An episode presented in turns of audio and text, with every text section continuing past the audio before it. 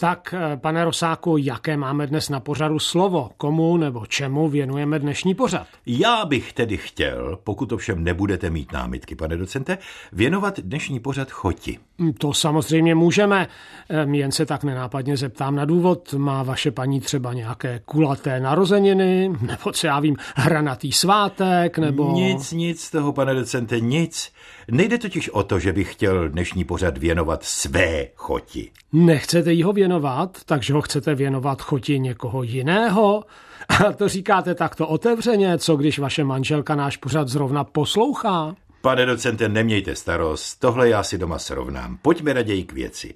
Mně totiž jde o slovo choť, nikoli o nějakou konkrétní osobu, a tedy nikoliv ani o mou vlastní choť, natož snad o nějakou cizí. A tak to tedy je. A čím vás to slovo zaujalo? Nebo je to nějaký posluchačský dotaz? Nikoli, tentokrát je to čistě můj dotaz. I když jistě to můžete vzít jako dotaz posluchače Jana Rosáka, pokud byste snad chtěl odpovídat jen na dotazy našich posluchačů. No, a co mě zaujalo na slově choť? Připadá mi, že je na něm zvláštní to, že má mužský i ženský rod. Tedy ten choť i ta choť.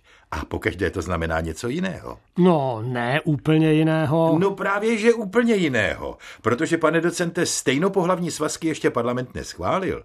Takže mezi chotěm a chotí existují, neváhám to říci, přímo zásadní odlišnosti. Trochu se divím, že jste to při vašem vzdělání a vašem věku ještě nepostřehl. No tak, ano, všiml jsem si. I když víte, právě vzhledem k věku už jsem to možná trochu pozapomněl. Ale mně nešlo o anatomické rozdíly mezi chotěm a chotí, ale o rozdíly jazykovědné. No a tam, to mi snad uznáte, jde o záležitosti sice ne úplně totožné, ale přece jenom významově velmi úzce propojené. A to nemluvím o tom, že k věci jak si patří i to propojení anatomické. No, ale to bych tady už příliš nerozebíral. Spíš bych se vás zeptal. Je takových slov, která mají dva odlišné rody v češtině hodně? No, obecně jich není hodně, ale ani úplně málo. Jsou to ty známé příklady krab a krabice, had a hadice. No, počkejte, ale tahle slova nejsou úplně stejná. Jedno má vždy jasnou mužskou a jedno jasnou ženskou formu. Takže to není úplně to samé jako ten choď a ta choď.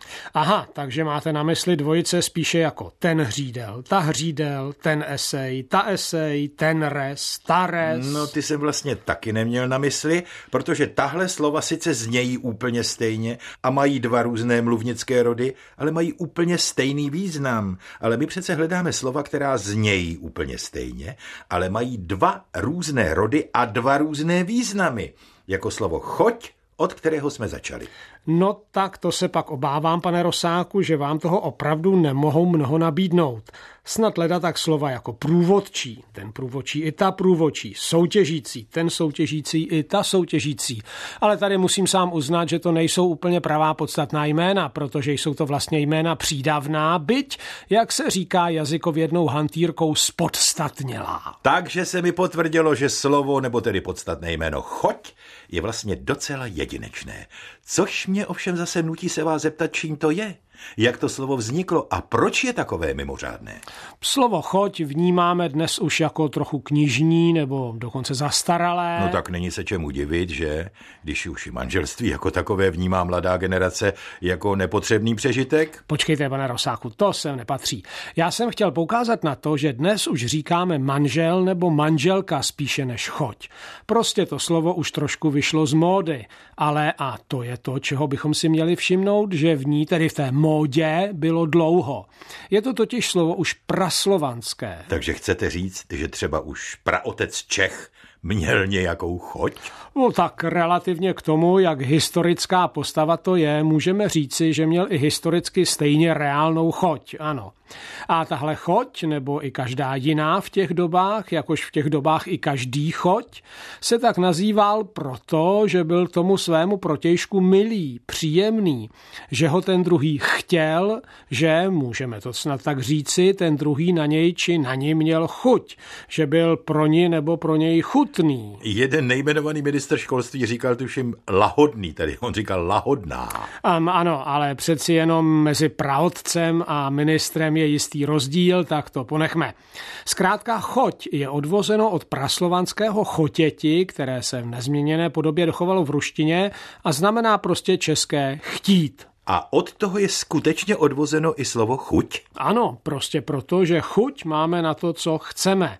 No ale hlavně od toho bylo odvozeno staročeské slovo chod, tedy bez toho háčku na T, které mělo význam o trochu širší než dnes. Kromě manžel manželka znamenalo také snoubenec, snoubenka nebo prostě zcela neinstitucionalizovaně milý, milá, milenec, milenka. Ve staročeských pramenech se tak dočteme například definici kdo má chod, ženich jest. Neboli tedy, kdo má snoubenku, nevěstu, je ženich.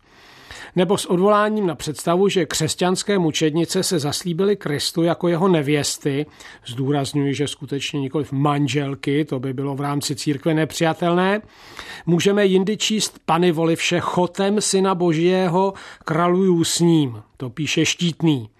A samozřejmě to znamenalo i manžel, zcela v tom dnešním smyslu.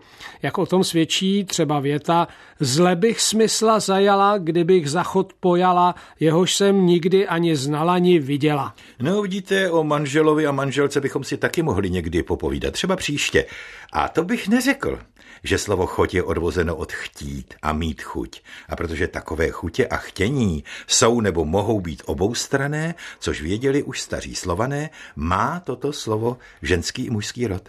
Přestože jsem přesvědčen, že i mezi starými slovany bylo dost takových žen, kterým ten jejich choť moc nechutnal. A nebo naopak na tu svou choť neměl lec který muž tak moc chuť.